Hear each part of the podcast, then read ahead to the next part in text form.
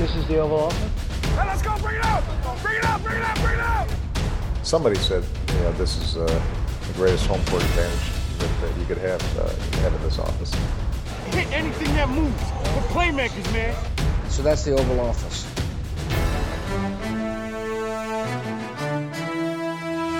Hej og velkommen til denne seneste udgave af Det Ovale Kontor, optaget fredag den 8. juni her lidt over 10, øh, fredag formiddag. Jeg hedder Mathias Sørensen, og med mig i dag har jeg Thijs Johan. Hej Thijs. Hej Mathias.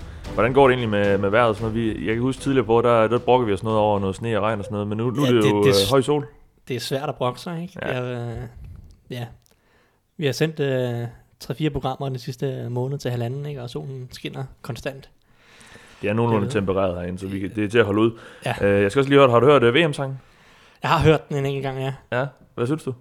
Det ved jeg ikke rigtigt. Nej. Jeg, det, det, siger mig ikke så meget, de der sange. Nej, Nej, det, ja. det er sjældent, det siger mig noget. Jeg tror, det er sådan en, man skal høre, når man har drukket en 7 fad, eller står Ja. i en, øh, er- foran en eller anden storskærm eller sådan noget. Ja, men, så den, øh, så den garanteret meget, meget bedre. Lige præcis. Jeg har øh, inviteret dig her hjemme i min stue, hvor vi jo optager øh, nu om det, øh, Thijs, fordi Guld Klud har lavet en uh, top 100-liste. Vi har i hvert fald prøvet. Øh, vi har sat os for at, at finde ud af, de, hvem der er de 100 bedste spillere i NFL. Lidt inspireret af NFL's øh, liste, som jeg ved, du ikke er super begejstret for. Jamen, det, det, det er en trodsreaktion til den liste, tror jeg ja. nærmest. Øh, som det startede sidste år, øh, hvor Dennis øh, Kortsen og, og jeg øh, lavede vores liste, eller kombinerede, øh, og snakkede sammen om at lave en liste. Fordi NFL's liste har simpelthen sådan nogle spøjse placeringer øh, så ofte, at, at det blev vi træt af. Altså, Den er jo sammensat af, af spillerne. Ja, det er spillerne, Ja. spillerne selv, og de har også ændret på kriterierne løbende og sådan noget. Jeg kunne læse, at i år, så er det baseret på 2017-præstationerne. Øh, Så de Okay. stemmer på det. Tidligere har det været gående ind i 2018, og det er jo sådan, vores liste er. Øh, Så nu, nu er der lidt større forskel, og jeg, jeg, har, ikke, øh, jeg har ikke fulgt så meget med i, i NFL's liste i år. De mangler også at afsløre top 30, tror jeg. Så. Ja. Og vi sad lige og snakkede om, inden vi, vi tændte for mikrofonerne, at Aaron, Aaron Donald for eksempel sidste år var, hvad sagde du, nummer, nummer 12 eller sådan noget. Ja, 12-13 stykker, Ja. ikke? Og, Og er Derek, Derek Carr var nummer 10, og Dak Prescott Ja. nummer 11, og jamen altså, der er nogle, altså jeg synes egentlig, det største problem næst, er, netop er den her positional bias på en eller anden måde. Der er, altså quarterbacks bliver virkelig, virkelig øh, stemt højt ind på listen. Jeg mener, der, er- der er 15-20 quarterbacks på listen hver eneste år, altså det vil sige 20% af listen nærmest. Øh, som Kan du allerede løfte sløret for, hvor mange der er på vores? Øh, der, er, der er 10 i år. Ja. Jeg tror, der var kun 8 sidste år. Ja. Så, der, er- så, så, så 10 i år. Øhm, og ja, altså jeg tror også, på NFL's liste plejer der at være måske tre offensive linjespillere i top 50. Øh, og altså halvdelen af angrebet er, er, er offensive linjespillere, og der er altså nogle gode spillere. Øh, så der er noget øh, sådan hype øh, i forhold til, hvor meget opmærksomhed de forskellige positioner trækker, øh, som, som bliver vægtet meget højt blandt spillerne selv, når de skal huske at stemme på deres spillere. Præcis. Øh, og, og der har vi i hvert fald prøvet at, at vægte alle positionerne lidt mere ligeligt, og, og, og give uh, kredit også til de anonyme helte på den offensive linje. Yes. Vi, vi, vi kommer til at, at, øhm, at gå lidt mere i dybden med, hvordan listen er sat sammen, men vi tager lige først en, en hurtig nyhedsrunde, fordi der er jo sket en lille smule siden, øh, siden vi optog sidst, det var sidste torsdag. Øh, det er ikke, det er ikke de store øh, breaking news øh, linjer, der kommer ud fra, fra NFL i, i de her dage, og det der kommer, det er sådan typisk uden for banen, men, men der har været lidt den her uge, lad os, lige, øh, lad os lige kigge lidt på det, fordi Clay Matthews, han spillede en, øh, en velgørenhedskamp, øh, en sådan softball softballkamp her, øh, jeg kan ikke huske, om det var i weekenden eller starten af ugen, øh, han øh, laver et pitch, og så øh, Lucas Patrick, en eller anden øh, reserve offensiv linjemand, han klapper bare til bolden og sender lige, lige i fjeset på ham. Man kan bare, se- han kan slet ikke nå at reagere, og øh, tager sig hurtigt til, til an, eller dækker hurtigt sit ansigt til med, med den her store øh, baseball glove og, og så videre. Øh, øh, det viser, at han brækker næsen og, Ja. og skal, have noget, øh, skal have noget operation, men man skulle være klar til camp. Ja, altså, så, så, så, mere alvorligt er det ikke. Man, man må ikke øh, de, i Packers lige noget blive lidt bekymret. Ja, det, det er en træls sådan en skade at, at få. Det, det føles lidt unødvendigt, men uh, det er jo bare det er jo sort uheld. Ja. Øh, jeg ved ikke, om der er sådan, nu, jeg vil lige nævne den, fordi den var der, og øh, i starten af ugen skete der jo også lidt, det var nok måske den største nyhed, øh, fordi Trump, øh, Eagles skulle have besøgt Trump øh, i det hvide hus øh, tirsdag, han Ja. melder sig ud, jeg tror det var, var det mandag aften, eller øh, tidlig tirsdag, eller et eller andet, at, øh, Jeg tror, det var ja, i løbet af natten til tirsdag. ja, fordi så vidt jeg kunne forstå, var Eagles i hvert fald taget til, til Washington. Øh, han aflyser det her besøg, som Eagles skulle have haft i det hvide hus, det her traditionsrige besøg, hvor de kommer ind og, og, og poserer med, med præsidenten, han får en trøje, hvor der står et eller andet på, og og så videre. Men øh, det aflyser, øh, aflyser Trump. Han er simpelthen uenig i, øh, den måde Eagles har, har opført sig på under nationalsangen. Jamen, jeg tror også bare, han var fornærmet over, hvor få der egentlig Præcis, ville, ja, ville det dukke var, op. det var noget med, at der kun var otte eller sådan et eller andet, der ville Ja. dukke op. Ja, Øhm, hvis så, fair. så det er nok helt sikkert det, der egentlig ligger til grund for det. Han vil ikke stå der og tabe ansigt.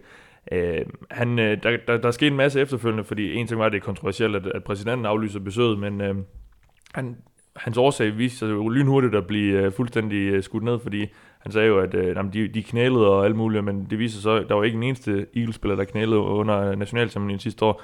De protesterede på nogle måder, Øh, rækken hånd i vejret, kan jeg huske, Chris Long i hvert fald gjorde osv., men, øh, men der var ikke nogen af de der protester, og jeg så også Fox News har været ude og undskylde for, at de havde øh, vist billeder af, af, af nogle af spillerne, som sad ned på knæ og lavede den der, altså ligesom Tebow gjorde for nogle Ja, år siden, det her, hvor de lige tager knæ for lige at benbøn. ben bøn og så videre, det, det havde de så protesteret, som om de, de knælder under nationalmelodien.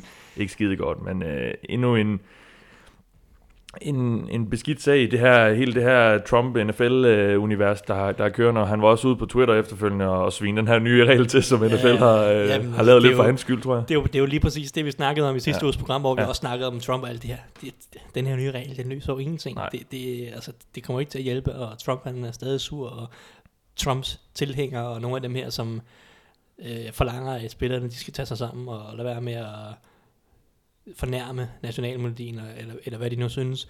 Øhm, de vil jo stadig synes det, uanset hvilken form for protest, ja. eller uanset hvilken form for, for holdning spillerne ytrer. Så øh, det, det, det er jo bare, ja, hat og Ja. briller. Lyt til det program, hvis man vil have sådan lidt mere dybdegående. Ja, der, øh, der, der, der snakker vi lidt om det med, med Anders tid med. Ja. Ja. Øh, han skrev på Twitter der i, øh, i, i tirsdags, var det, Staying in the locker room for playing of the national anthem is as disrespectful to our country as kneeling. Sorry. Jeg, kan, jeg kan ikke lade være med at tænke, om han er, jeg tror, han er mis, sådan, byttet rundt på, på, på, på Steelers og Eagles, fordi Steelers, de blev i omklædningsrummet i, i en kamp. Det, det kunne jeg ikke øh, lade at tænke Pennsylvania-hold der. Jamen altså, det er, det er Ja. det samme, ikke? Ja, ja. Der er kun en øh, 400-500 km imellem, Ja. mellem holdene, så... Ja. Ej, det virker, øh, ja, det, det er ikke for kønt, og jeg tror, vi, vi går ind i nu et efterår i møde med, med skøre Trump-tweets og sådan noget. Det gør vi helt sikkert, men også, ja, i hvert fald om om NFL. Ja. Så øh, der var også lidt, øh, lidt anden øh, nyheder uden for banen, fordi øh, Giants' general manager David Gettleman stod frem og sagde, at han havde fået konstateret kræft i lønfeknuderne. Ikke så vidt jeg kunne se det, der hedder Hodgkins lymphoma. Det, der er vist nogle forskellige slags, men man er i hvert fald kræft i, i lønfeknuderne. Han forventer ikke, det kommer til at have den, de store indflydelser på, øh, på hans måde at, at, styre holdet på, og hvis der skulle være nogle øjeblikke, hvor han ikke lige er, tilgængelig, så vil, så vil resten af, af front office ligesom tage over. Der er ikke så meget at sige, tænker jeg, udover at ønske om god bedring. Øhm, det, der er heldigvis nogle andre, der også er kommet sig over den øh, slags. Jeg tror også, var det det, øh, Chuck Pagano havde nu. Det, skulle Det tror jeg var. Hodgson, Hodgsons lymphoma. Den anden slags, ja, Ja, okay. Men jeg. øh, det er i hvert fald også noget med nogle olympiske Men øh, ja, lad os håbe, han, han kommer så over det. Lad os gå til nogle nyheder, der, øh, der vedrører lidt mere spillet, fordi Browns har jo været aktive. Øhm, ja, de har jo en, en tonsvis af penge at bruge, og det gjorde de så den her gang, fordi Michael Kendricks blev jo, linebacker blev jo fyret i Eagles for et par uger siden. Og øh, det viser sig så, at øh, han ender i Browns, der har givet ham en etårig kontrakt til 3,5 millioner kroner, eller dollar. Øhm, ikke nogen kæmpe stjerne, de henter ind, men jeg synes alligevel, de har et rimelig spicy øh, linebacker-korps efterhånden. Jamen, det havde de også allerede inden, synes Det havde de jeg. faktisk inden, ja. Øh, Men, men han er en god spiller, Michael Kendricks. Ja. Øhm, men, men, men det er lidt underligt, fordi de, havde, de har Jamie Collins og, og Christian Kirksey, som de har Ja. givet store kontrakter allerede. Uh, Collins var så skadet det meste af sidste sæson, men, men det er jo også gode spillere. Og, og så har de Joe Schobert, som var i Pro Bowl, og han førte ligaen i taklinger sidste år, og også spillet en rigtig, rigtig god sæson. Så de havde egentlig tre linebacker, som, ja, det var, altså, vi var nok op i, i nærheden af en af NFL's bedste linebackergrupper, og så tilføjer man Michael Kendricks, og i nutidens NFL, hvor man på mange spil kun bruger to linebackers, så har man lige pludselig fire gode linebackers, ja. og ja, det er sådan lidt, jeg ved ikke, det, er jo ikke, det er jo aldrig dårligt at have for mange gode spillere, men, men det er sådan lidt underligt, øh, også fra Michael Kendricks side, jeg vil nok have næsten valgt et andet sted, og hvor der er lidt Tyder det bedre, på, at han ikke har fået super mange tilbud.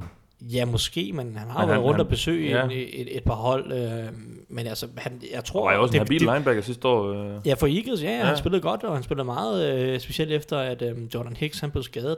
Øh, men jeg tror, han har fået... Det lyder som om, han har fået loading på, på at starte øh, Ja. fast, så, så må vi se, øh, hvem det er, der tager en masse spilletid, fordi det bliver nok enten Schobert eller måske Jamie Collins, som, så mister noget spilletid, ja. Eller Kirksey. Det, jeg, jeg, Så han ligger som den, øh, som, som den linebacker med den 9. højeste grade på, på Pro Football Focus sidste år, så det er jo ikke nogen øh, dårlig linebacker, især øh, er, er god mod, mod løb også, og så videre, men det, det er måske noget, man allerede har lidt i, øh, i Browns, men, men ja, de, de vurderer i hvert fald, at han, han, kan, han kan med noget. Ja, altså, det er aldrig dårligt at have for mange øh, gode spillere, men Nej. øh, nu må vi se, hvordan, øh, hvordan det udfolder sig. Der, der, der er i hvert fald kamp om, om spilletiden der. Lidt andet nyt, øh, spillernyt fra, eller kontraktnyt fra, fra Browns, fordi de forlænger også med Duke Johnson, running back, skråstreg slot receiver, skråstreg et eller andet. Øh, Ja, alt muligt mand. Ja, alt muligt mand. Han, øh, han er faktisk, han blev øh, sådan lidt rygtet ud af klubben, efter de øh, skrev under med, med Jarvis Landry og hentede Carlos Hyde ind på running back og så videre. Jamen, de, de brugte ham jo ikke ret meget sidste nej, år. det virkede lidt som I om, at han, forhold til, hvor- at han nok ville komme i overskud. var, ja. Nu har de så givet ham en, en, forlængelse på tre år og til 16,5 millioner. Eller fem- 15,6 millioner, undskyld. Øhm, ja, en, en fin spiller jo at have. Han er, Øh, han er en dygtig spiller, ja. øhm, og altså, jeg håber, de bruger ham noget mere i år, fordi han er rigtig, rigtig dygtig i kastespillet, og han kan også sagtens løbe bolden. Øhm, det interessante bliver ligesom med, med linebacker, nu har de investeret en del i, nu er det så tre running backs, fordi som du siger, de, de gav Carlos Hyde en, en pæn, pæn kontrakt, der indikerer, at han i hvert fald skal spille noget i år. Øh, og så brugte de... Efter det Nick Chubb i Ja, Nick Chubb toppen af anden runde. toppen af anden runde. Ja. Så nu har de de tre running backs, som de har smidt en, en del investering i. Og, ja, Duke Johnson er jo klart øh, den bedste i, i, i kastespillet. De to andre er ikke, øh, ikke gode i kastespillet, så, så han, han har sin vej direkte til snaps. Men. Ja, ja. men hvordan balancegangen bliver mellem de tre, det, det bliver interessant at se. Og også øh, hvordan Todd Haley vil bruge øh, Duke, Johnson, fordi han, han, han skulle bruges mere, end, end, end, Helt sidste, end han gjorde sidste år, hvor at, ja, det, var, det var lidt en skændsel, at Browns ikke brugte ham mere, fordi de havde så store problemer på angrebet, og, og han, ja, han var nok deres bedste spiller, øh, offensiv spiller, og sådan skill position wise. Ja. Øhm, så ja, men øh, igen interessant at se. Ja. Øh, de, de har i hvert fald muligheder også på den position nu i, i massevis. Og, efterhånden rimelig mange våben, ja, sådan generelt på, på angrebet. Det ser, det ser spændende ud, hvis Baker Mayfield kan noget, eller Tyra Taylor, han kan få det til at hænge lidt sammen. Altså, præcis, de, på de, de papiret skal have det noget ud af quarter, quarterback-pladsen, Ja, men, ja. men ja, så, så er der noget at arbejde med. Ja, helt klart. Lad os gå videre til øh, et af de sidste punkter her, fordi øh, Terrell Owens, han meldte ud her øh, torsdag aften, at han har simpelthen ikke tænkt sig at møde op i Canton, øh, der i starten af august, når han skal have sin øh, guldjakke. Det, Apropos fornærmede, Ja, ja, fornærmede folk. lige De virker, præcis. de virker lidt sådan. Ja, altså, det, der, der var jo, det har kørt, det har kørt i over nogle år efterhånden, inden han så endte med at blive valgt om, at han synes, han skulle ind og ikke blev valgt, og det var nogle off-field ting, som den her komité, de tog med ind, og ja, altså han har jo, når man kigger på hans stats, er han jo helt klart en, en Hall of Fame, uh, Hall of Fame spiller, men øh, han kommer jo så ind i år skal indlemmes her til august, men, men vil altså ikke øh, møde op, øh, sagde han i går i en presmeddelelse. Han har ikke øh, fundet ud af endnu, til synligheden, hvor han øh, ellers vil holde det, men han har i hvert fald kommet, øh, kommet til enighed med sig selv om, at det ikke skal være i, i Canton. Jeg synes, det virker lidt uforståeligt, altså, det, og det er sådan lidt det, Det er der, sådan- kan, du, kan du blive ved med at være fornærmet? Ja, det er, jeg synes, det er lidt fejlplaceret på en eller anden Ja. måde. Sådan, de der følelser, fordi ja, okay, han er sur på, på juryen, eller hvad man skal sige, dem der stemmer, stemmer ham ind, men, men den der ceremoni har jo ikke noget med juryen at gøre. Nej. Altså, det er jo bare en hyldest øh, blandt Til ham, ja. ja. til ham, og Ja. ja. alle de andre Hall of Famer og, og fans, og altså, det er sådan lidt, øh, det er sådan lidt mærkeligt, øh, og det er sådan lidt malplaceret fornærmelse. Ja. Eller Jeg fornærmelse. tror også, Michael Irvin, han, øh, han havde sagt på NFL Network, han kunne slet ikke forstå det. Altså, han havde, han havde optaget en reklame med 10 år engang, hvor han, han var kommet med sin egen hjemmelavede guldjakke med, med alle hans rekorder på. Og, så, og nu gider han så ikke have sin ægte guldjakke, som jeg tror, det var det, Irvin han sagde der på, på NFL Network. Ja, det, det kunne han slet ikke forstå. Og der er også, altså, der er mange, der har været ude og været uforstående, og der er også mange Hall of Fame, altså dem, der har stemt, som har sagt, øh, hvis vi vidste, at han ville blive væk, så er vi ikke, så er vi ikke stemt for netop fordi, Ja, ja, ja. At, at, altså alt det her, at, at, han- at Ja, han ikke værdsætter præcis. NFL og, og folkene omkring NFL, han værdsætter kun sig selv på en eller anden måde. Øhm, det kan man så mene om, hvad man vil. Altså, han, skal, han skal jo ind uanset hvad, selvom hans personlighed er måske øh, lidt egocentreret. Ja. Øh, så er han jo en, en spiller, der fortjener at være i Hall of Fame øh, anyway. Absolut. Så det, altså, det er jo, det, han må gøre, hvad, hvad, hvad, hvad han vil, ikke? men det er sådan lidt mærkeligt. Det er lidt ærgerligt, de kom, fordi de kommer også til at... Det kommer til at overskygge lidt den uge, der de, de, de, den fejring, det ved der er nok ikke, en det lille gør. Han, han bliver, jeg tror, jeg, jeg tror og håber på, at han bare bliver glemt i den uge, og så, så hylder man de andre. Der er sgu også nogle gode ja. spillere, ikke? og Randy Moss er en anden receiver, så, så, så, så, så der er mange, øh, der er masser, der, der skal blive hyldet, Ja. ja. og, og, fansene skal nok være glade alligevel, men Og det var aldrig set, set før, jeg så David Baker, ham formanden for, for Hall of Fame øh, komiteen der, eller ja, formand for Pro Football Hall of Fame, han sagde, at det var unprecedented, så det var aldrig, det var aldrig rigtig sket før. En, nej, de er sikkert heller ikke super, øh, super begejstrede for det, men, øh, men øh, sådan er det jo. Han må, han må gøre, hvad, der, hvad han vil. Det, Det- det, der er ikke nogen, der tvinger ham. Nej, selvfølgelig. Lad os lige tage det sidste punkt, fordi der skete øh, lidt mere i, i går torsdag aften. Øhm, Adam Schefter og Phil Yates fra ESPN begynder at rapporte, rapportere, at øh, Julian Edelman står til at få en fire kampdags karantæne for øh, de her performance enhancing drugs, som jo hedder præcisionsfremkaldende stoffer, ja, på, på dansk, Frem, frem, som vi, som vi ynder at bruge. Øh, han har, så vidt jeg lige kan se, ikke fået Ej, de er gang, endnu. De, de er gang med at appellere, Ja. det, det, gør de altid. Og, Men, øh, men fire kampe til, til Julian Edelman. Lidt et slag jo for, øh, ja selvfølgelig for ham, han var, ikke, han var ude hele sæsonen, og, og hele sidste sæson med en skade, og, og det er nok derfor, han har... og misser så 12 kampe, eller fire kampe i år, så han kun skal spille 12. Øhm, og det, ja, jeg ved også, du, du var lidt over, det, det spiller lidt ind i det der narrativ med, at øh, som mange måske Pæt, har. snyder altid jo. Ja, det er De det. snyder det, altid. det. De snyder jo. Ej, øh, det, det er jo bare... Det, jeg synes, det er sjovt. Jeg synes det er altid, det er sjovt, øh, fordi fans reagerer på den måde. Ja. Ja, ja. Men altså, det er jo noget, der sker for alle hold. Der, altså, det alle kan ske hold for får alle, de ja. her øh, en spiller eller to, der, der Ja. ja. ender i karantæne. Om det så er for præstationsfremmende, eller Ja. ja. ulovlige øh, stoffer med marihuana, eller, eller hvad det er.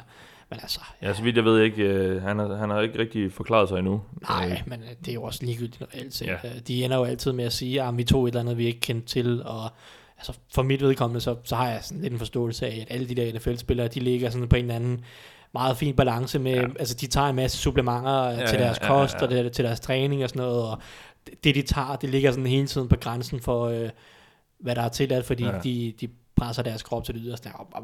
Det er jo også svært at forstå nogle af de her spillere, som nu, øh, altså, tager Alejandro Villanueva og nogle af de her offensive linjefolk, som i løbet af et år tager, jeg ved ikke, nærmest 30 kilo på i, i, i, i, mest muskler, ikke? Ja. Øh, altså, jeg har set Noah Spence fra Buccaneers i år, han var nede, han var nede at veje 215. Ja, han er et ordentligt monster nu. Han, han var nede at veje 215-20 kilo, nej, pund, undskyld, øh, i sidste sæson, og så i løbet af den her offseason, nu er han oppe at veje 250 pund, Ja. og han siger, han har taget, taget 20-25 pund øh, på i muskelmasse. Ja, jeg så godt på- et billede af ham, han ser eddernemt stor ud. på et halvt år, ikke? Ja. Altså, det, det er svært at tro på, at, det er sådan, at der er helt rent mel i posen, Ja. ja. ikke? Og, og det er den grænse, de, alle, de lever på, og mm. de gør, og NFL har den dopingpolitik, de nu har. Men øh, ja, sådan, Bare det er utroligt, fordi de har jo den her lange, lange liste med ting, de ikke må tage, og, og de kan gå til deres træner. Det burde ikke være så svært at, at holde sig inden for de der linjer. Altså, det er jo meget enten sort ved, enten må du tage det, eller så må du ikke. Ja, Altså, men- hvorfor men- bliver de ved med at... Jamen, det er det, men det er jo, Går den, så går den. Fordi de blander alle de her forskellige Ja. ja. ting, og så går de over i en eller anden balance, og så bliver de taget, øh, i det mindste så tester NFL for præstationsfremmende midler hele Mm. året. Ja. Det gør de jo ikke med, med marijuana og sådan noget. Der. Nej. tester de jo kun fra marts til, jeg mener det er midt august. Ja.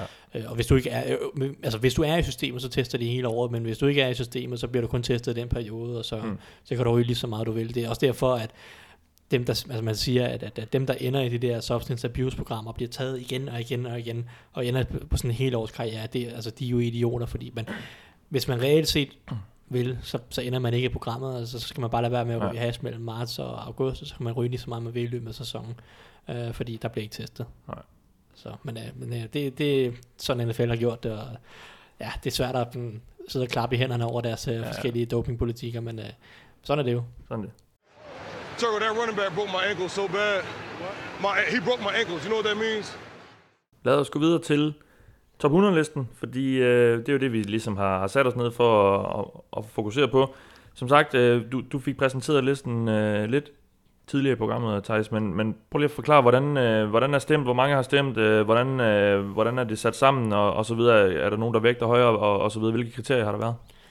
Jamen, øhm, der er otte skribenter, der har stemt, øh, syv ud over mig, så Og jeg er ikke en af dem, skal jeg sige. Det, Du- du er det, en af det, det er en dem, lille det- smule pinligt, men det giver mig så til gengæld øh, øh, frikort til at... Ja, så kan du få lov til at skyde alle vores andre rangeringer ned.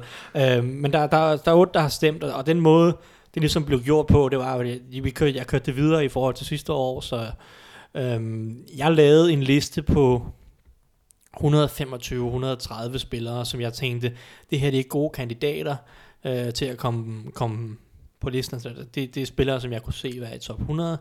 Øhm, og så skrev jeg ud i vores gruppe, om der var nogle spillere, som, som folk synes, er nogen, nogen der manglede. Er, nogen, er der en eller anden spiller, som, som en eller anden person gerne vil have, have ind i afstemningen? Øhm, for, og der var så en, en 10-15 spillere, der blev tilføjet, vi endte på, øh, på 137 navne, som ligesom, det var feltet til at komme ja. i, i top 100. Jeg, jeg, prøvede ligesom at, at bygge feltet ud fra sådan en anden...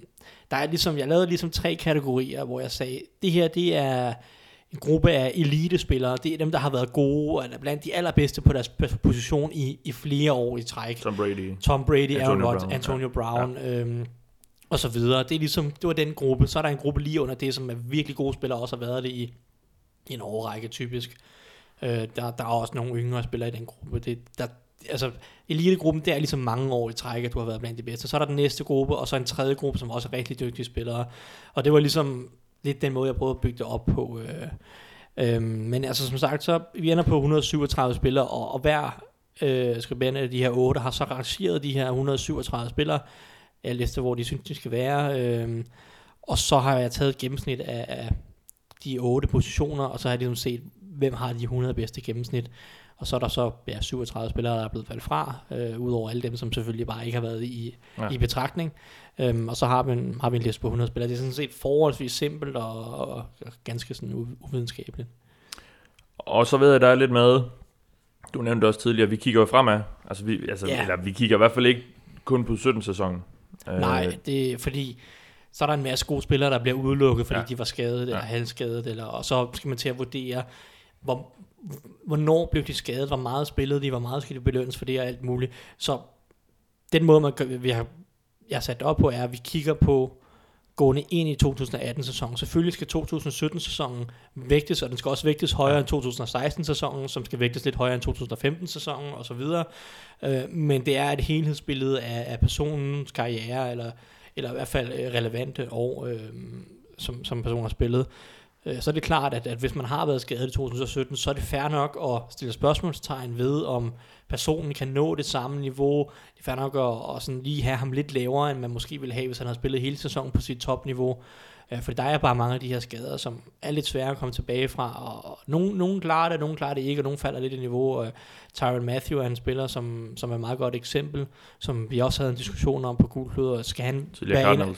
Ja, øh, skal han være en af kandidaterne, fordi han var blev alvorligt skadet i 2016. Han spillede hele 2017-sæsonen, men det var ikke på det niveau, han Mm. havde. Øh, han var jo Defensive øh, Player of the Year-kandidat i 2015, og blev så skadet der i 16, tror jeg. Og han, han spillede mest i 2017-sæsonen, men det var ikke rigtigt på samme niveau. Han var en fin spiller, men, men det var ikke sådan en, en, en spiller, der gjorde en forskel. Øh, og, og, og sådan en, han, han blev fravalgt som, som en kandidat, og, og det er jo også sådan, nogle af de overvejelser, man skal have med, når man tager nogle af de her skadede spillere og, og vurderer deres placering øh, på listen. Øhm, så det, det er et af, ligesom, et af punkterne, mm. som, som jeg har bedt folk om at, at overveje, øh, når de laver listen. Og så er der nogle spillere, der slet ikke er med. Øh, Ja, fordi vi, der er- der er altså, nogle- altså, som, fordi- måske kunne, som måske burde være med, men som, som vi ikke har set nok fra. Ja, fordi altså, jeg kan ikke lide det her med at lave en top 100 liste, og så have en spiller med, som, som har en meget lille sample size, eller man skal sige meget få kampe, meget få snaps. Det føles forkert på en eller anden måde, når jeg netop siger, at, at det er et helhedsbillede over hele karrieren, og så tage en spiller med, som Deshaun Watson for eksempel, som spiller han seks eller syv kampe her i efteråret, på, på et helt vanvittigt niveau, øh, og, og sådan på all-time øh, nærmest øh, pace med hensyn til touchdowns, og jeg ved ikke hvad. Øhm, det er jo ikke et niveau, som han realistisk set Nej. opretholder over, over, over, en, over sin karriere, eller bare her i den kommende sæson. Øh, så der vil man gerne se flere kampe fra ham, før man kan finde et, et ordentligt leje. Så en spiller som ham er, er valgt fra. Jimmy Garoppolo er det, sagt, er det Ja. samme. Selvom han går ind og vinder de sidste seks kampe i sæsonen for, for 49ers, så er det seks kampe eller sidste sæson og alt muligt. Vi skal se lidt Og vi har mere ikke set fra nok før det heller i Patriots. Nej, vel, vi skal se mere fra ham. Øh, Der er også øh, Dalvin Cook. Øh, Han var nok ikke kommet på listen, selvom han var, ude, øh, selvom han var i betragtning, men han, nåede- han nåede så også kun at spille fire kampe. Ja. Ikke? Øh, Miles Garrett var også meget skadet øh, ind og ud af, af, af Browns i, i den sæson. Ruben Foster havde også nogle skader, spiller kun en 10 kampe. Han var sådan lige på vippen, om man kunne overveje ham, fordi jeg, jeg, har, linebacker, ja. Ja, jeg har sagt, at, at en sæson vil vi gerne se fra dem, men altså det er klart, hvis man spiller 12, 13, 14 kampe, så er det, er det jo reelt set ja, en sæson. Ja. Jeg mener, Ruben Foster, han spiller 10,5 øh, eller noget i den stil. Øhm, og så øh, William Jackson fra Bengals, som jo så... Øh, Ja, jeg skulle næsten sige næsten Min er den eneste, eneste rookie. Ja, men altså, jeg, jeg jo også pjattet med ham, og jeg er kæmpe fan af ham øh, i, i draften.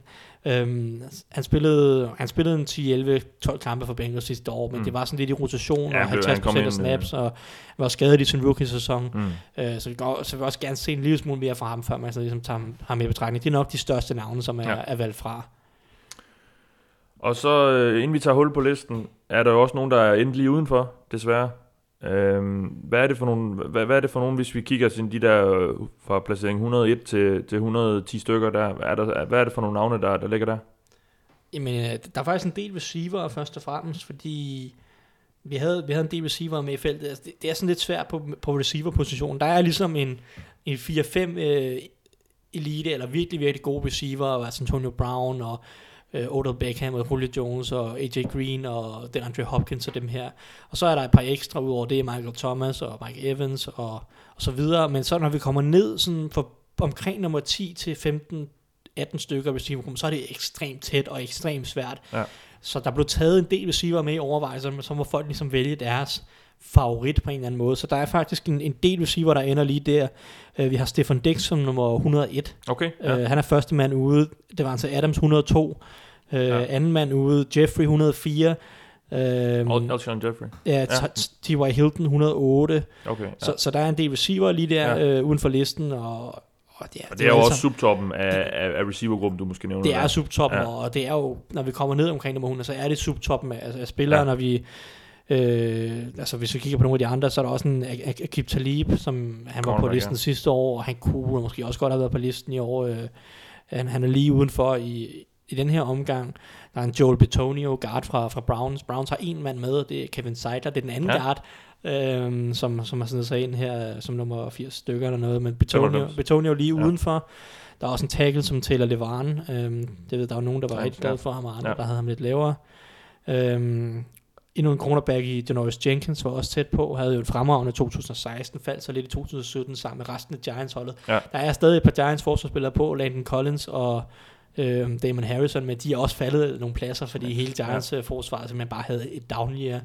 Øhm, så, så er der også en spiller som Jason Peters, og der har vi sådan lidt med, med overvejelser omkring skader, fordi han bliver skadet midtvejs i sæsonen. Super, super dygtig spiller, øh, men han er meget oppe i årene, og personligt var jeg i hvert fald sådan, det er svært at vide, hvilket niveau han kommer tilbage på. Hvis han kommer tilbage på det niveau, han havde i den første halvdel af 2017, inden han blev skadet, så er han en top 100 spiller. Mm. Men altså, hvad var det, jeg kan ikke huske, om det var eller et korsbånd, men altså, man er 36 eller noget stil, og kommer tilbage fra sin korsbåndsskade. Det er svært ligesom at sådan helhjertet tro på, at han kan finde i sit topniveau igen. Uh, medmindre han selvfølgelig finder nogle forskellige uh, præstationsfremmende midler frem. Det, det Øh, kunne jo ske. Det kunne jo ske, men øh, han, er så, han, er, han, han ender lige uden for listen. Øh, så, så, så er der og så et navn, jeg lige vil nævne, som, som bliver nummer 113. Det var sådan, der var en lille håb om, at han måske kunne, øh, han kunne måske blive sådan årets overraskelse. Og det er Adrian Amos fra, fra Bears Safety, ja. safety, som jeg kan huske sidste år, der havde vi øh, Andrew Norwood med på listen, øh, som var sådan for mange sikkert lidt et no-name. Øh, en spiller, som, som går under radaren og er en rigtig Det er dygtig spiller. Panthers guard. Ja, og nu, ja. Øh, nu er også Jaguars, han er Jaguars, også med ja. på listen i år, og han kommer, kommer højere op end ja. de første 25 her. Øhm, men Adrian Amos var måske sådan lidt dark horsen til at blive det her i anførselstegn øh, no-name øh, navn på listen, men han ender, han ender lige udenfor. Ja. Men øhm, altså, der er mange gode spillere, og reelt set er forskellen på nummer 75 og nummer 125 ikke ret stor.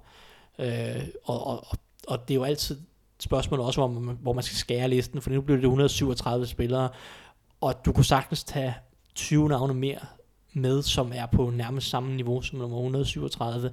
Så det er jo ekstremt svært, og det er selvfølgelig det er listens svaghed, fordi det, der er ikke så stor niveauforskel, og hvordan vurderer du niveauerne imellem Mm. positioner og sådan noget. Nu snakkede jeg om, at vi prøver at vægte alle positioner lige vigtige, så der er ikke, der er ikke 20 quarterbacks med, men der er kun en, en 8-10 quarterbacks efter det her kriterie om, at vi har elitegruppen, og så har vi dem lige under, og så har vi de rigtig gode.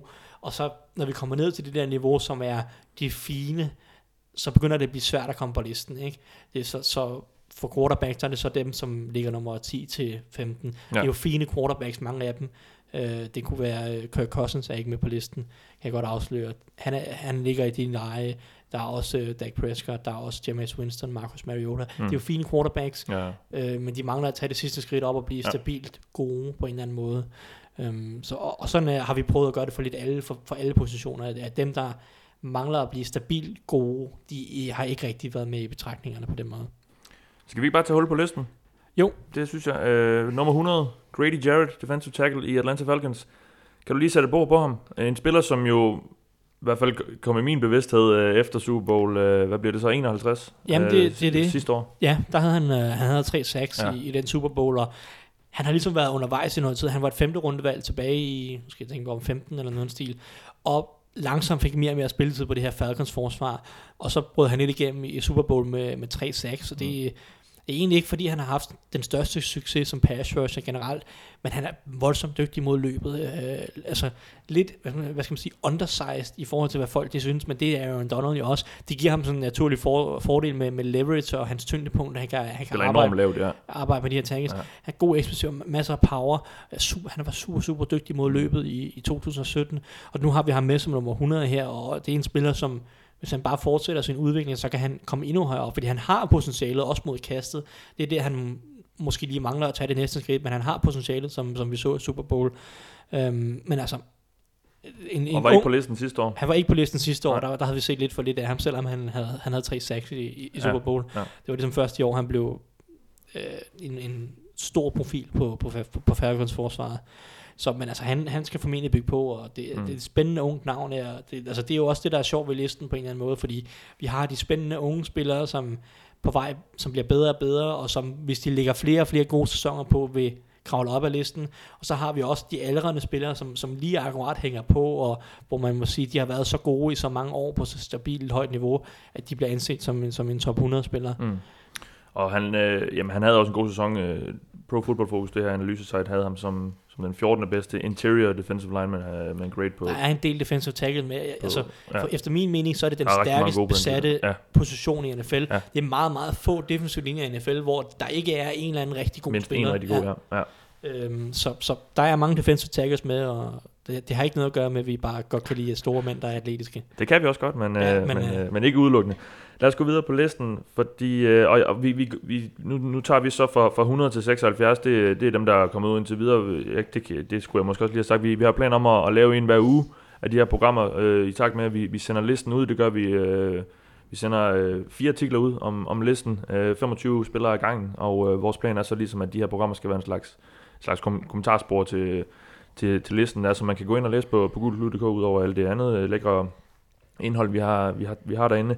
Øh, men vi tager øh, 25 her, også i, øh, fordi listen, der kom ud øh, tirsdag, tror jeg det var, øh, også indeholder fra, fra 100 til, til nummer 76. Og det næste levende billede er, er en quarterback, som vi snakker lidt om, der er ikke super mange på listen. Det her er altså en af dem på nummer 99, Matthew Stafford øh, fra Detroit Lions.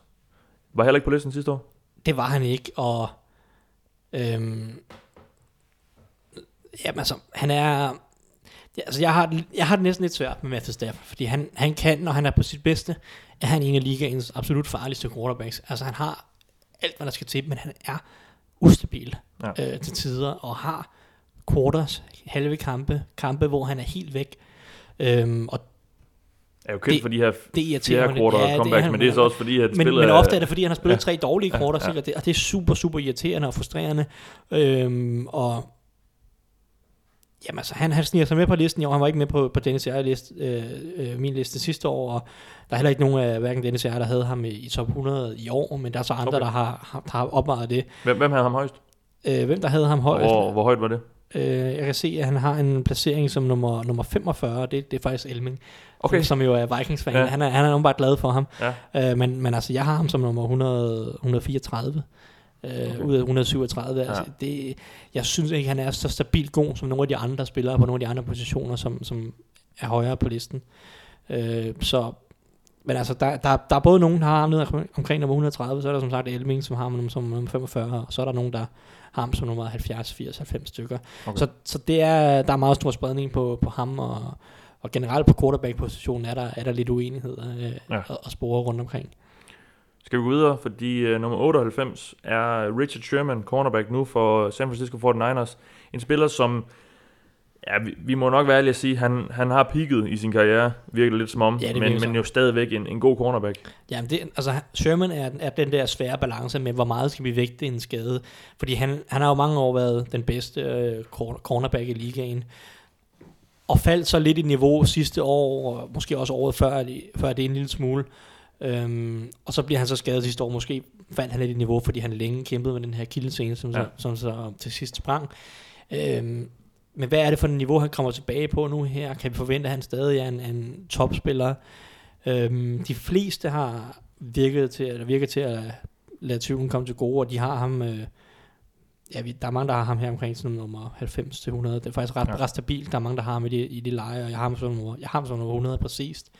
Øhm, så Men også noget af et fald i forhold til, at han for bare et, et par år siden blev betragtet som den absolut bedste Absolut, og hvad, vi havde ham som nummer, nummer, nummer 20 sidste år. Ja. Øhm, men det er det her, niveauet var lidt faldende i, i 17, og, og så en skade oveni med Ja. som er en grim skade, specielt for nogle af de her eksplosive positioner, som en cornerback er. Øh, det gør, at der, der kommer noget tvivl ind, men altså lige nu, der, der holder han fast i, i positionen, og så hvis han leverer et godt år i, i, nu her, så kan han så kravle op ad listen igen, og ellers så falder han ud, øh, hvis han ikke øh, kan finde lidt af, Ja. ja. af fordomsstyrke. Spændende at se, hvor, hvor meget han har i sig. Jeg, jeg synes jo, han er en super fed spiller at se, og, og, eller har været det i hvert fald. Spørgsmålet er så som sagt, hvor meget han har tilbage. Jeg tror ikke, hans, hans krop er helt øh, der, hvor hans hoved måske er. Jeg kan godt frygte, at han måske får svært ved at, at holde dyr, men, men omvendt så har farten heller aldrig været hans spidskompetence. Det har været det her med at... Jamen, det har været spilintelligens, og hans, Præcis, hans, hans ja. fysik, ikke? Ja. Ja. Hans, hans størrelse og hans længde. Lad os gå videre til en, øh, jeg, er helt sikker på, at du har en masse at sige om nummer 97 på listen. Cameron Hayward, defensive end, skråstreg, defensive tackle øh, i det her 3-4 forsvar, de, de nu kører i, i Pittsburgh Steelers. Fortæl lidt om ham. Du, jeg ved, du har et, øh, et meget stort øh, hjerte, der banker for ham. Jamen, han er, han er en dygtig, dygtig spiller. Øh, Det, han, er- han er svær i forhold til mange af de andre defensive tackles, fordi han Steelers kører det her sådan lidt, lidt mere rene 3-4 forsvar, som, som der ikke er så mange, der kører mere. Bears er det andet, og, og, og Kim Hicks var også med ind i overvejelserne, og han, han er heller ikke alt for langt væk fra listen. Mm. Det er ligesom de to bedste sådan rene 3-4 defensive ends. Øhm, men altså Hayward har i mange år været en, en, en god spiller, ikke sådan i nærheden af den her liste for eksempel, men har været en solid god spiller, øh, var, blev så skadet i 16, men så kommer han tilbage i 17, øh, og han brænder det hele af og, og får 12 sacks, hvilket jo er reelt set er uhørt, for, specielt for en 3-4 defensive end, og generelt for en interior Ja. defensive lineman. Um, Var det ikke noget med, at han kom ikke i Pro Bowl, men han, han blev All-Pro-spiller? jo, han blev All-Pro, Ja. kom ikke i Pro Bowl. Han kom Ja. ja. så med i Pro Bowl til sidst På grund alligevel, af- på grund af, ja. af, af, af, af reserve, Ja. 3-4 reserve. Um, så ja, det, det, der, det er der lidt- altid noget lidt med, men altså, han, han, altså at få 12 sacks som defensive interior, eller en indvendig defensive linjemand er, er virkelig, virkelig er imponerende, godt, ja, ja, uanset om du er defensive tackle, eller om du er 3-4 defensive end, eller, eller hvad det nu er. Ja. Og, og han er bare en dygtig spiller, ekstremt meget power.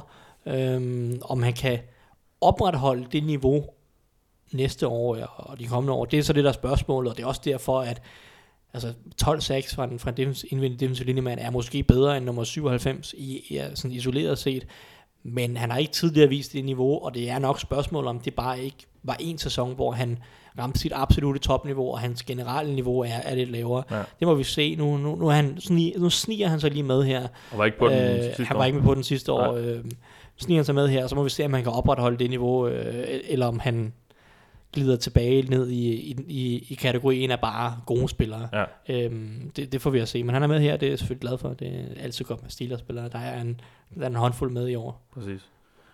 Øhm, den næste, ja, nu kommer der lige sådan en gruppe af 3-4 spillere her fra, fra 96 til, øh, til 93, og jeg synes måske ikke, vi behøver at gå mega meget i dybden med dem, men jeg vil godt lige spotte lidt ind, fordi der er sådan lidt tendenser med dem. Øh, nummer 96, det er Gerald Casey, øh, defensive tackle i Titans, så er der 95, Kevin Seidler, guard, vi, vi nævnte ham lige før, øh, for Browns. 94 er Mike Daniels, defensive tackle i øh, Green Bay Packers, og så Josh Sitten, som er nu er guard i Dolphins. Og det er jo alt, det er alle sammen spillere, som er faldet øh, i større eller mindre grad fra, fra sidste års liste. Er det, er det alle sammen spillere, der... Er det så fordi, de er alle sammen på vej nedad, eller er det bare fordi, der kommer nogen, der er bedre, eller hvordan? Øh? Ja, det er egentlig lidt. Altså Seidler havde ikke så god en sæson, øh, som han har haft tidligere i, i Cincinnati.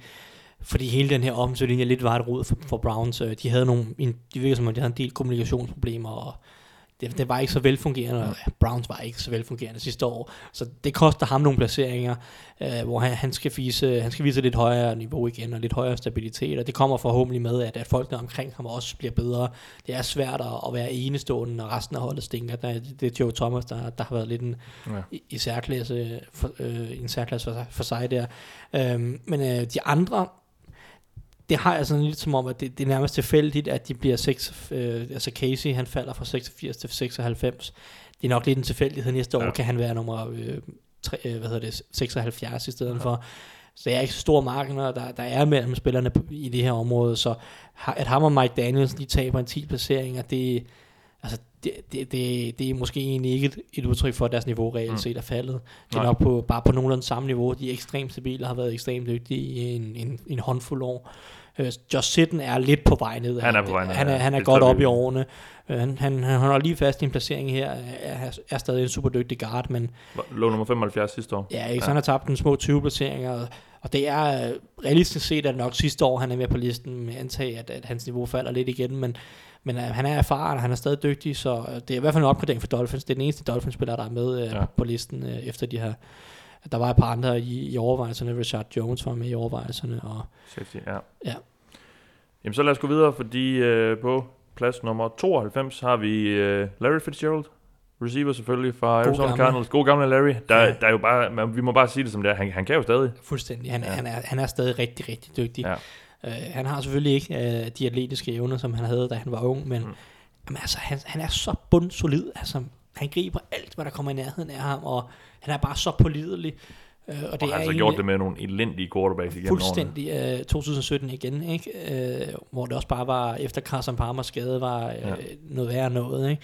Og selvom det her Cardinals hold ikke var så inspirerende sidste år, så, så på en eller anden måde skal han så stadig ud. Han har stadig nogle sindssygt gode kampe, og han har brændt afgørende. Jeg mener, han har to, to kampe, som han griber det afgørende catch øh, for dem igen sidste år. Jeg mener Colts-kampen i overtime, og jeg kan ikke huske den, huske den anden, men han er, han er bare stadig afgørende, han er bare stadig dygtig, fordi Ja. han har næs for at, at blive åben, og han er, han er så sikker. Du, altså, du kaster ham bold, han kan, han kan ikke tabe den, Nej. og han får altid de yards, han skal, og Og er også en mand, der har for, formået at holde liv i sin karriere. Øh, i, I 12, 13 og 14 var han på vej ned af under 1000 yards, så øh, ja, under, under 82 catches kan jeg se i øh, tre, under 82 catches i alle tre sæsoner, øh, og, Ja, og, og var sådan lidt, Ja, ja, han, det- han, han han, han han, var ikke den der number one receiver, så fik øh, Bruce Arians, Arians gjort ham til øh, en slot receiver, og fik en helt ny rolle øh, som, som den her studieklud nærmest for, for Carson Palmer, og det blomstrede han bare totalt op i. præcis, han er Og- sikkerhedsventil, men han har også en sindssygt, han har også taget den her rolle til sig. Han er blevet ja. en sindssygt dygtig blokerende receiver, altså Ja. måske en af de allerbedste i ligaen.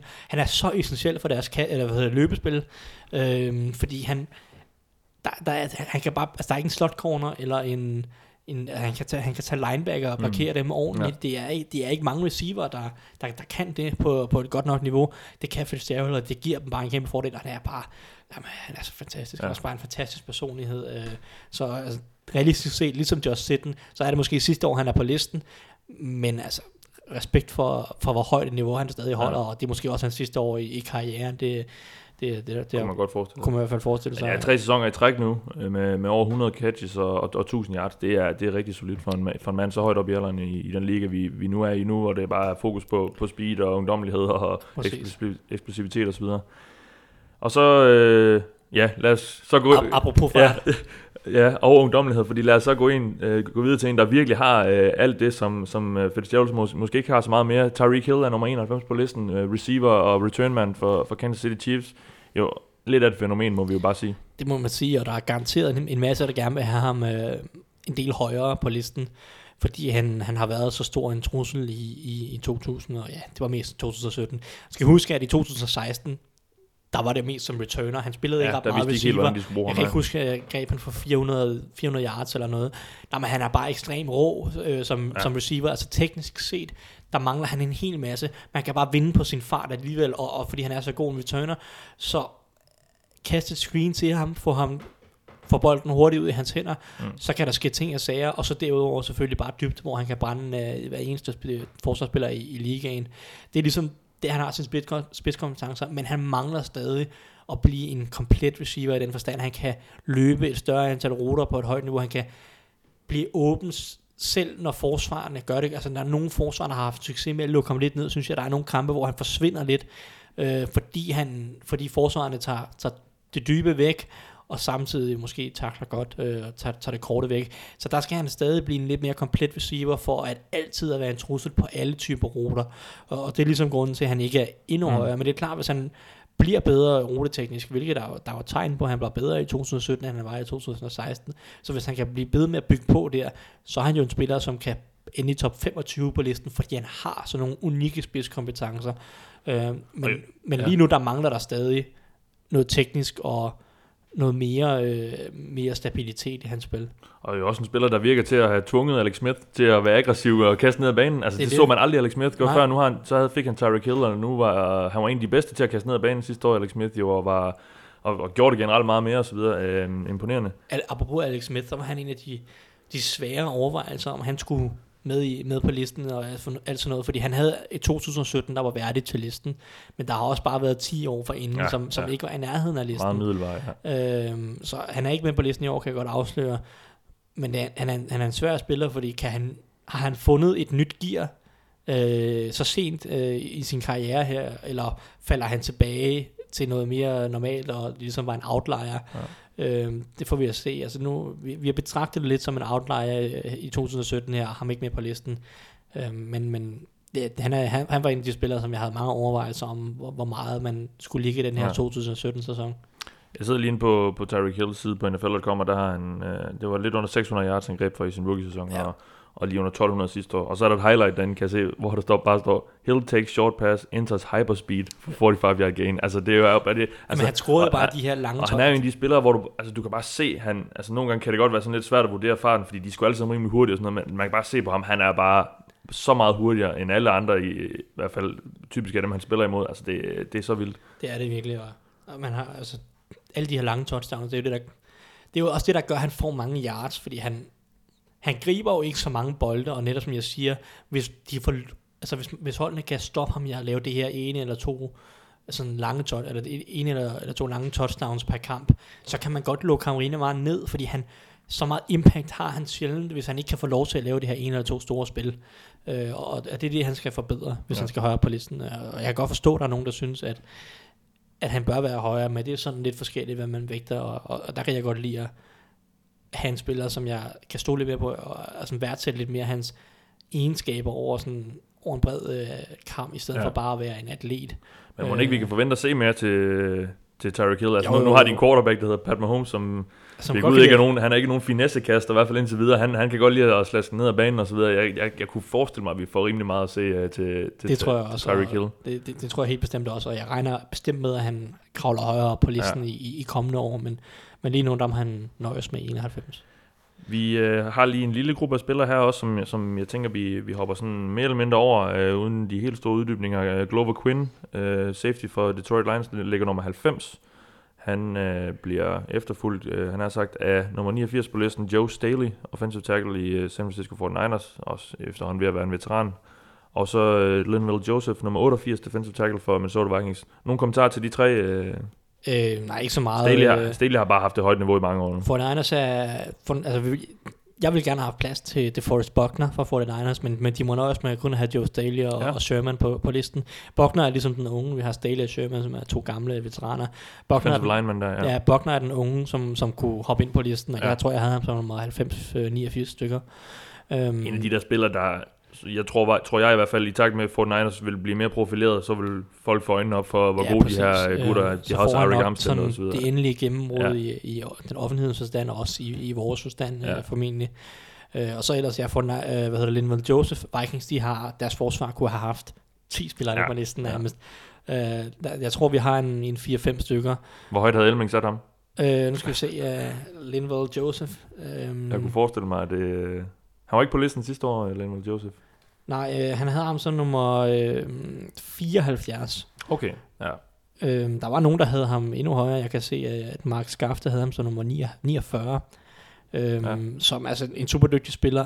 Og de havde... Men er han ikke også Vikings-fan, Mark? Øh, jo, Det, kan jeg, det, øh, det bliver jeg lige i tvivl om. Det tror jeg måske Jamen, det tror jeg, det, det tror jeg faktisk, du har ret i. Så, så der, er, der er noget der. Så der, Ja. der er to Vikings-fans, der har, har stemt på listen. Og alligevel Ja. så er der et, et par forsvarsspillere, som ikke er, ikke er med på listen. Ja. Ja. Eric Kendricks, Daniel Hunter. Okay, ja. Øhm, som sagtens skulle have været med på listen i Mm. et godt år. Men altså, der er masser af forsvarsspillere med. Everson Griffin, Joseph, øh, Xavier Rhodes, Harrison Smith. Ja, de har Øh, øh, mange gode. De kunne have... Jamen, altså, de er, Det er helt vildt. Øhm, ja, altså, det, det er bare imponerende, og der, der, er masser af Vikings på den her liste. For øvrigt så er det hold, der har flest spillere med, det er Atlanta Falcons. Ja, øh, Og vi har også allerede hørt om en af dem i hvert fald. Øh, ja, og jeg tror også, der kommer en mere i det her program, der, hvis der, ikke jeg er tager to, meget fejl. der er to på listen. Der er to, der har syv spillere på listen. Udover Falcons er det... Eagles har også syv. De har, Ja, lige, okay. de har lige vundet Ja. Super Bowl. Ja, det er så fair nok. Lad os gå videre til den næste. Nummer 87 øh, er jo en af de her øh, komet running backs, vi så sidste år, kom direkte ud af draften og, og gør det skide godt. Øh, måske den, man har hørt mindst om på forhånd, øh, er, det, er dem, der nu, øh, der nu brænder banen, er nummer 87, nemlig Kareem Hunt, running Ja. back i, øh, i Chiefs. Han var jo ikke særlig højt draftvalg, øh, og, og kom jo egentlig øh, primært ind som starter, fordi Spencer Ware blev skadet i øh, Chiefs, men altså, ja, han, han tog jo bare hele ligaen med storm fra, fra første aften mod, øh, mod Patriots, der er den der Thursday night i, i U1, den første kamp i sæsonen. Ja, fremragende. Han Øh, fumblede på første spil, og Ja, så og så, han- øh, så gjorde han det bare skide godt derefter, ja. Øh, ja, men altså, ja, som sagt, en af de her kanon running backs, der, der kom ud af draften sidste år, øh, og vel også fortjener nok, han, han kommer på. Jamen, det er, han er årets øh, første rookie øhm, på listen. Jeg tror, vi har fire rookies med i år. Der, der, der er i hvert fald et par af dem, der er running backs. Øhm, han var sindssygt god sidste år. Fantastisk balance. Øhm, og, og ekstremt god til at altid lige få de ekstra yards. Øhm, og ja, altså som sagt, han var helt fantastisk den første halvdel af sæsonen. Så fadede han Ja, lidt fadede ud, i, ja. i midten af sæsonen, og blev så god igen i nogle af de sidste kampe. Det er, sådan, det er svært at vide, om han helt kan fortsætte det her tårnhøje niveau. Øh, fordi jeg synes ikke i forhold til sådan en som Alvin Kamara, som jeg godt kan afsløre, at ligger højere på listen, så han ikke, har han ikke lige så altid et, et, et, et skillset, der kan gøre lige så mange ting. Øh, og man ser ofte nogle af de her rookie øh, running backs komme ind med netop noget power og noget, noget, noget sådan, jeg skal sige, juice i benene, som, som ja. er, er svært at opretholde over en, en længere periode, hvis man ikke har en eller anden øh, kraftig sp- øh, eller en spidskompetence. Øh, jeg, kan- jeg kan afsløre, at sådan en spiller som Jordan Howard var også på listen sidste år, da han var, øh, efter hans rookie-sæson. Han er faldet ud af listen i år. Selvom han jo egentlig havde en fin sæson, så altså nogle gange er det svært at opretholde det her tårnhøje niveau, så, så Kareem Hunt er en af de spillere selvfølgelig, hvis han kan fortsætte, så ryger han endnu højere op på listen. Hvis han falder bare en lille smule i niveau, så tror jeg ikke, han har et, et, et bredt nok skillset i, i forhold til sådan en som Alvin Kamara. Ikke, at, ikke at Kareem Hunt er dårlig kastspiller på nogen som helst måde, men, men øhm, så er jeg ikke sikker på, at han har bredt nok skillset Nej, på, nej. på lige så højt niveau til at, til at fastholde ham på listen. Men, men i år er det i hvert fald fortjent, selvom han, han er rookie, og, og, og at vi, vi belønner præstationer over mange sæsoner. Hmm. Så, ja, det, det skal selvfølgelig ikke komme, ja. altså det skal selvfølgelig ikke fravælge rookies, fordi de ikke har det, øh, hvis, hvis de viser højt nok niveau. Præcis. Lad os gå videre, fordi øh, den næste er nummer 86 på listen. Cam Newton, quarterback i Carolina Panthers, MVP for, hvad er det nu, tre år siden, i 15. sæson, tror jeg det var. Øhm, og øh, ligger jo faktisk utrolig stabilt på den placering, fordi han var nummer 87 sidste år, og altså lige kravlet en tak op, på trods af en øh, lettere undervældende sæson, vil jeg tillade mig at sige. Hvad, hvad, hvad, hvad, Jamen, altså, han er svært at blive klog på. Jamen, det kommer lidt an på, hvad du, hvad du sætter pris på i en quarterback. Altså, der, der er mange, som, som anser ham for at være en top 5 quarterback. Der er også mange, der anser ham for at være ikke i nærheden af top 10. Øhm, han er jo en, en, en virkelig, du ham, virkelig, øh? virkelig, virkelig unik spiller. Jeg havde ham som nummer, jeg havde ham som nummer 106. Okay, så, Så han er, uden, ham, han er uden han for din lige udenfor. Der var nogen, Ja. der havde ham øh, også op i top 50. Okay. Så ja. altså, han er svær, fordi han misser nogle, nogle kast, han bare ikke må misse. Øh, der er noget præcision der, som, som mangler, men til gengæld så har han jo også nogle spil og, og nogle, nogle spidskompetencer i, i form af hans løbeevner og en, en helt absurd stærk arm, som gør, at han bare kan lave nogle ting, øh, og, som bare kan, som som kan, afgøre kampene øh, til, til Panthers fordel. Øh, så på nogle spil og i, i nogle situationer, der er han jo bare blandt ligaens aller, allerbedste, og i nogle perioder. Men andre kampe, så der er han bare pinligt ringe, og, Mm. og dem havde han også nogle af i 2017. Øhm, han, han er en svær spiller, men, men altså, jeg, jeg ved ikke rigtig, hvad man skal sige om, og det kommer lidt an på, om du, om du værdsætter hans, hans, hans bedste spil nok til, altså hvis han laver sådan et eller to af de her spil hver eneste kamp, til at, altså værdsætter du dem nok til, at du ligesom kan overse, at han misser en 5-10 kast, som han helst ikke må misse i løbet af en kamp. Det, det, det er sådan Cam Newton er, og, og nu må, altså, det er næsten lidt synd for ham, at, at, at det her angreb var, var så dårligt sidste år, og det skader måske også lidt hans vurdering, eller min vurdering af ham, men, men, men han har det også svære, han har også svære betingelser omkring ham, med, Mm. med, med, med sådan virkelig dårlige receiver, og en, en offensiv linje, der var meget skadet sidste år, øhm, så, men altså, jeg kan egentlig rigtig godt lide Cam Newton, og jeg synes, øh, jeg synes egentlig, det er meget, meget fint, at han er på listen, selvom jeg havde ham udenfor. Jeg synes, han fortjener det, selvom han har nogle elementer, som, som, ikke, som nok gør, at han aldrig nogensinde vil blive blandt ligaens bedste quarterbacks, i hvert fald på sådan stabilt niveau. Han har, han har selvfølgelig sin MVP-sæson, men sådan over en overrække, så bliver han nok aldrig en Brady eller en Aaron Rodgers. Øh, det har han nok for mange ustabile elementer til, men, men han, han er en rigtig dygtig quarterback. Lad os øh, gå videre til nummer 85 på listen, Damon Snacks Harrison, som han jo øh, bliver kaldt. Øh, ja, han hedder Damon Harrison, men han bliver så kaldt Snacks. Defensive tackle i New York Giants, og ligaens måske vel nok bedste øh, run defender, altså løbe, ja, be, Mod løbet, ja, ja, mod løbet. Øh, har, jeg, jeg, jeg, så faktisk lige Steve Palazzolo, som, øh, som er en af de her øh, analytikere for, for Pro Football Focus. Han, han lavede en går en post, hvor han skriver, han er nummer 44 på deres top 50 liste i øvrigt øh, hos Pro Football Focus. Damon Harrison, han skriver, øh, var nummer 1 eller 2 i øh, run defense grade i, øh, hos øh, Pro Football Focus i fire af de sidste fem år, og har ført ligaen i øh, run stop percentage. Det er, ja, det er også en af de her statistikker, de bruger til at kigge i, øh, i hver af de sidste fem år.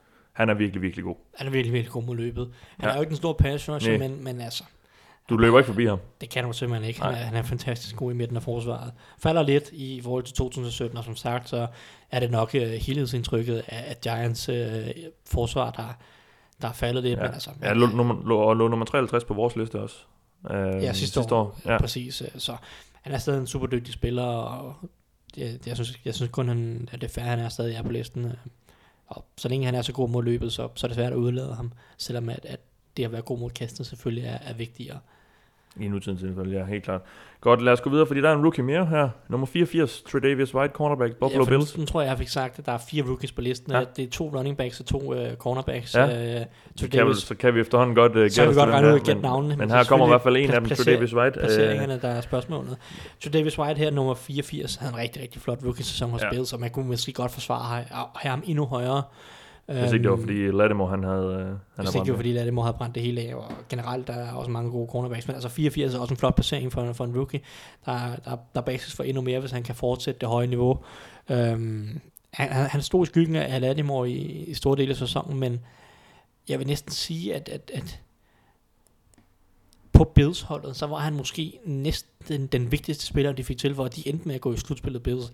Og det er Hvilket også var utroligt. Ja. Hvilket var utroligt i, i forhold til det talent, man, man, de havde på holdet, og nogle af de problemer, de havde. Øh, og der, der var White måske nærmest en af, en af de aller, aller største grunde, fordi det var forsvaret, der bar dem det meste af sæsonen, og det var specielt bagkæden, synes jeg, med Micah Hyde, Jordan Poyer, øh, EJ Gaines, alle sammen nye spillere, som de havde tilføjet igennem free agency, som, som spillede på et godt niveau, og så Terry Davis White, som, som, spillede på om muligt et endnu højere niveau som, som rookie de her tilføjelser, de fik lavet, og det faktum, at at White spillede sig på, på så højt niveau fra, fra første dag, ikke? Fra første kamp var han, var han bare på, på tårnhøjt niveau. Det var så vigtigt for dem, at de havde ikke dybde. Mm. De kunne ikke tåle at, at, at, at få skader på, på, på defensive back, og da EJ Gaines var skadet i løbet af sæsonen, så faldt deres niveau også markant, fordi erstatningerne var bare ikke lige så gode. Så det faktum, at White spillede på så højt niveau, var bare virkelig vigtigt for dem. Så, så han, han sniger sig med på listen her, og jeg- glæder mig til at se, om han, han kan fortsætte. Ja, fordi ja, det var en, en imponerende start, og det, sådan er det generelt med de rookies. Man, man håber lidt på, at det, det er noget, de kan bygge på, og ikke, øh, de ikke allerede Ja, man piker. blev valgt til nummer 27 i draften, ikke? Det, Ja. der, der er mange hold, der sikkert uh, krammer sig lidt. Ja, det må man sige. Der er lige en gruppe af spillere her, som, øh, som vi sådan lige skimmer øh, lidt, og, lidt og elegant henover. Flere Eagles og Falcons spillere. Ja, men det er dem, der gider sgu ikke høre om. Nå, øh, guard Brandon Brooks er nummer 83 på listen øh, for Philadelphia Eagles. Øh, jo en, øh, en del af den her rigtig stærke øh, offensive linje for Eagles, der, der tog dem hele vejen sidste år selvfølgelig. Øh, nummer 82, Desmond Trufant, øh, cornerback i Atlanta Falcons. Øh, vi kan måske lige nævne ham lidt, fordi han var jo... Øh, han var jo sådan set, øh, det, 17 var lidt en bounce back sæson for ham. Ja, for han blev skadet i, i 16, ja. Ja. da, de, da de gik i Super Bowl. Ja. Det gjorde de, selvom de manglede ham. Ja. Øh, og selvom han, ja, man skulle tro, han var en, en super, af- afgørende spiller for dem. Øhm, så kommer han tilbage her i 17 og spiller en rigtig god sæson. Øh, tilbage på det niveau, han også havde inden. Ja. Så, øhm, så, så, så kommer han med på listen. Han havde været på, med på listen, hvis han ikke havde været skadet i, i, i 16 formentlig. Altså i sidste års liste havde han så været med på. Øhm, men han er med i år og spiller en god sæson, og generelt det her Falcons forsvar er super spændende. Uh, vi har et par ekstra forsvarsspillere, vi har allerede nævnt Grady Jarrett, men der er også en anden, uh, som er på listen senere, uh, og, og sådan en spiller som Keanu O'Neal endte lige uden for listen, Safety, som ja. også var overvejet, og jeg glæder mig faktisk rigtig meget til at se det her Falcons forsvar næste år, Der er mange jeg, tror, jeg brækker, tror faktisk, at det kan blive et af ligaens bedste Ja. forsvar, uh, med, med lidt mere, lidt mere, lidt mere bidrag fra, fra nogle af pass rusherne, Vic Beasley og og Takaris McKinley, øh, så tror jeg, at det her forsvar bliver, bliver virkelig drabeligt. Det var nummer 82, og nummer 81 på listen, det er Devin McCourty, safety i New England Patriots. Um, jo, en af de her, øh, ja, det er, det er jo sådan lidt et, et no-name forsvar øh, med, med få undtagelser, men, øh, men McCourty har været stabil i en del år nu. Øh, jeg kan huske, han startede helt tidligt i sin karriere som, som cornerback, men har jo etableret sig som, som safety nu og, og gør det ganske godt der. Jeg ved ikke, om du har så meget tilføjet til ham. Øh, Jamen, sindssygt dygtig spiller. Sindssygt ja. vigtig for, for, for Belichick og Patriots forsvar, fordi han, han, han kan gøre så meget for dem, ja. og så altid, og en af lederne, og en af, en af de vigtige, når, når der skal kommunikere, så der skal laves justeringer og sådan noget. Mm. Han er simpelthen så klog en spiller altid. Uh, så han er ekstremt vigtig, ekstremt undervurderet for, for Patriots holdet, synes jeg. Og ja, han var også på listen sidste år som nummer 77, ja. nu er han nummer 81, så det han har bare et, et, et, super godt niveau. Det er klart, ja. han er ikke ligaens bedste safety, Nej. men, men uh, uh, han er blandt de 5-10 bedste safeties i ligaen, og har, har enorm betydning, så og har fået sin uh, bror Jason med også, som er en, en ganske stabil uh, cornerback, uh, som Ja, nu har jeg ikke tjekket hele listen endnu, men jeg går ikke ud fra, at han er på den han er højere end sin bror. Nej, men, men stadigvæk en, en ganske god uh, cornerback, de får ind der. Nummer 80 på listen er endnu en Falcons-spiller. Det var til Freeman, running back. Øhm, ja. Men han er god, han har været god i, i en del år. Ja. Uh, han, han er jo ikke så stor, men, men han læser uh, sine blokeringer utrolig godt. Øhm, har, har noget eksplosivitet her, arbejder med at lave tyndepunkt, som, som gør ham svær at fange, og kan, kan få folk til at, at miste taklingen. Øhm, jeg synes, jeg, altså, jeg kan bare virkelig godt lide sådan en running back, som nærmest altid får det, som, som blokeringerne giver. Øh, der er for mange running backs, som, som tager dårlige beslutninger, ja. og, det, og det gør Freeman bare ikke. Øh, han, er, han er ikke nogen vanvittig atlet, eller har ikke nogen vanvittig fysik eller noget, men han er bare en klog spiller, der forstår spillet, og, og det, det, det må man altså også bare værdsætte øh, på, på det her angreb øh, ja, ja, som spiller. Så han er med på listen, og han, jeg synes, han er en af de fem bedste running backs, fem-seks bedste running backs i ligaen. Så. Og i starten var det jo lidt ham og, og Tevin Coleman, der var sådan, det var sådan, det var sådan lidt et one-two punch, og hvem var bedst. Ja, og, ja, og, Tevin, Tevin Coleman er jo stadig vigtig for dem. Ja, også fordi de var meget forskellige, men Freeman er blevet lidt mere stjernen, virkede det som om. Ja, i hvert fald i, i løbespillet, ikke? Ja. De bruger stadig, eller burde stadig bruge Tevin Coleman meget ja. i, i kastespillet, for Coleman har jo fantastisk fart og, og eksplosivitet, så han har ligesom lidt mere home run potential, eller sådan lave det her store spil, hvor, hvor som sagt, at, at Freeman er så dygtig til at hele tiden få 5 yards, ja. hele tiden få 7 yards på sin løb. Øh, og, det, det er trods alt det vigtigste for, for en eller anden form for running back at holde, holde øh, hvad skal man sige, øh, angrebet kørende. Og det, det er Freeman bedst, og det er Freeman, der er den, der er den vigtigste running back, og han har også den største kontrakt. Øh, Tevin Coleman bliver nok free agent næste år. Det kunne man forestille sig. Det ligger nummer, lå nummer 72 sidste år, altså 80 år, så det er også rimelig stabilt. Jo. Den næste på listen øh, vil jeg godt høre lidt til, fordi det er Everson Griffin, øh, defensive end øh, edge øh, hos øh, Minnesota Vikings, og synes jeg jo lidt, altså lidt en, en, en overset øh, stjerne blandt de her øh, mange, mange gode øh, pass rusher der i NFL, men han er jo bare virkelig stabil og har været det i, øh, i, i mange år nu. Jamen det har han, og han burde måske også have været på listen sidste år. Det, ja, det, det var, var han, han ikke. Det var han ikke. Øh, han, han var en af kandidaterne. Øhm, altså, jamen altså, det har, han, har været, han har været rigtig god i mange år. Jeg synes alligevel, han tager et, et skridt op i år, ja. øh, og, og bliver endnu bedre. Øhm, han er ekstremt eksplosiv, øh, og har rigtig god teknik. Han har flere gode pass rush moves, og jeg kan ikke lade være med at elske hans, hans, hans spin, spin move, øh, som, som han er en af de få... Øh, øh, edge-spillere, som stadig, eller som, som kan... Han løfter arven for Dwight Freeney. Som kan løfte arven for Dwight Freeney. Der er ikke, jeg synes kun, der er en, en, måske en håndfuld NFL-spillere, ja. som rigtig har det her spin som, som et våben, som, ja. som de kan bruge, og der, der er Griffin en af dem, synes jeg. Øhm, 13-6 sidste år. Ja. 13-6, ja, i, ja. i 2017, ja, ja. og jeg synes, han synes, han tog et lille skridt op i forhold til nogle af de tidligere år. Øh, og jamen, altså, han, kunne også, han kunne også sagtens være blevet placeret endnu højere end, end, end her, som, nummer, som er 79. Um, piker, piker lidt sent, er, er 30 nu. Og... Ja, det, det, ja, det er det. Ja. Han blev også draftet i, i en af midtrunderne, mener jeg, i sin karriere. Og det tog ham nogle år ligesom at, at komme ja. i gang, om, om man så må sige. Men, og det er måske derfor, han har været lidt overset, fordi at det, er sådan, det har været en løbende udvikling. Han hele tiden mm. har lagt en lille smule mere på, en lille ja. smule mere på.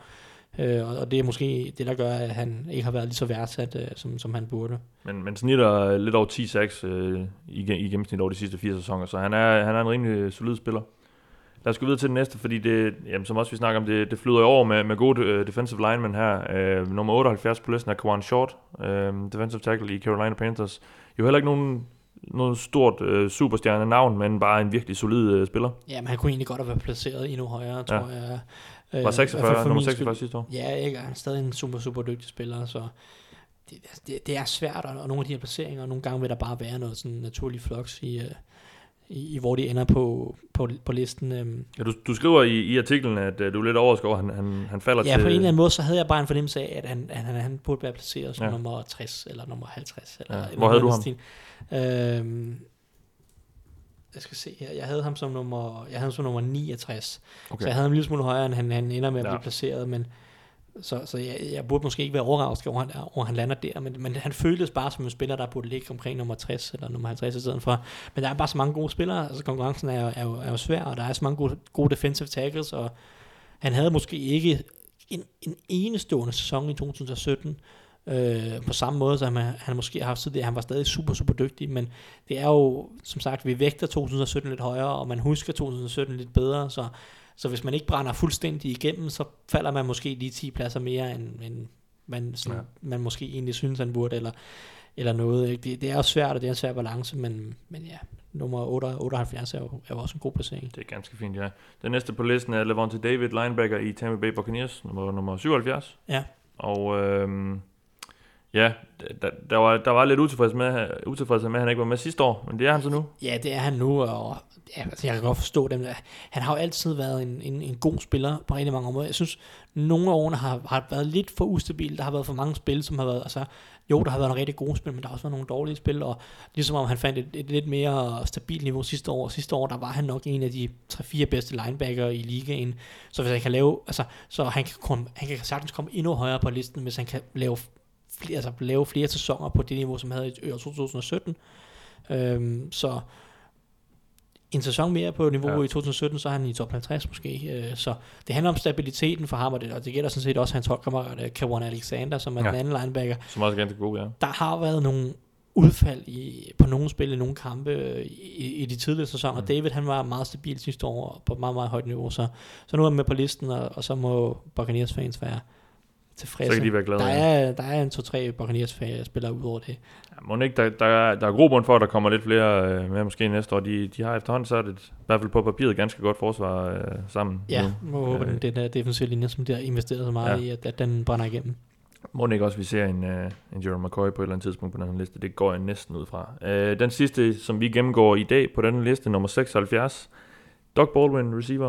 Uh, Seattle Seahawks, jo nærmest den, altså, kl- klart det bedste våben for, for Russell Wilson nu i, i en del år, og bare solid, selvom han, han, uh, han har ikke meget fysik, han er ikke særlig stor, men han er bare, uh, han får bare løbet sig fri og, og lave de her store catches og så videre for Ja, ham. men han er, han er, han er en tekniker, eller hvad man, hvad man Ja. ja. skal sige. Han er sindssygt dygtig til at, altså sådan rute teknisk.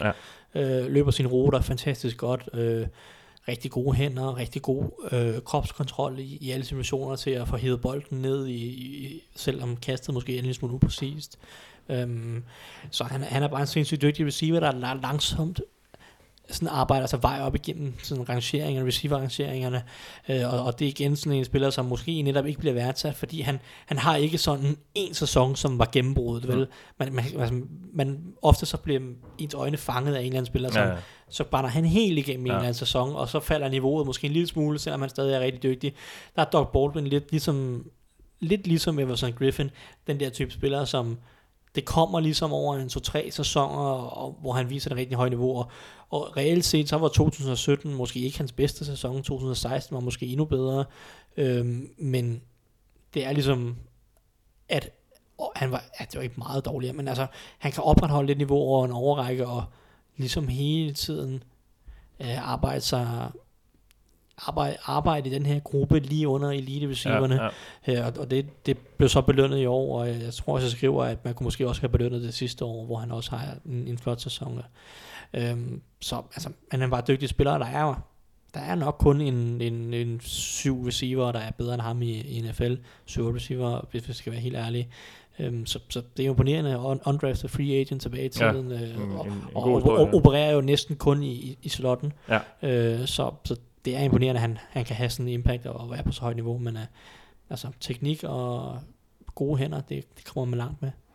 Det var øh, nummer 100 til nummer 76 på Gul Plus Top 100. Gå ind og find den på gulklud.dk, og så kan du se den med dine egne øjne, og, og i stedet for at skal høre på os, det håber vi nu stadigvæk du vil. Næste 25 spillere udkommer øh, tirsdag, eller hvad? Ja, starten af næste uge. Det regner vi i hvert fald med. Når jeg lige øh, finder tid til det. Yes, øh, og øh, i forlængelse af det laver vi også et program. Det gør vi med de tre næste, sådan så vi følger listen til dørs, inden vi måske lige tillader os at tage lidt sommerferie. Men øh, vi er i hvert fald tilbage i næste uge på et eller andet tidspunkt. Det bliver nok øh, onsdag, torsdag eller fredag, går jeg ud fra. Øh, så har jeg ikke øh, lovet for meget. I den omgang har du lyttet til mig. Jeg hedder Mathias Sørensen, og med mig i aften, Thijs Joranger. Tak fordi du lyttede med.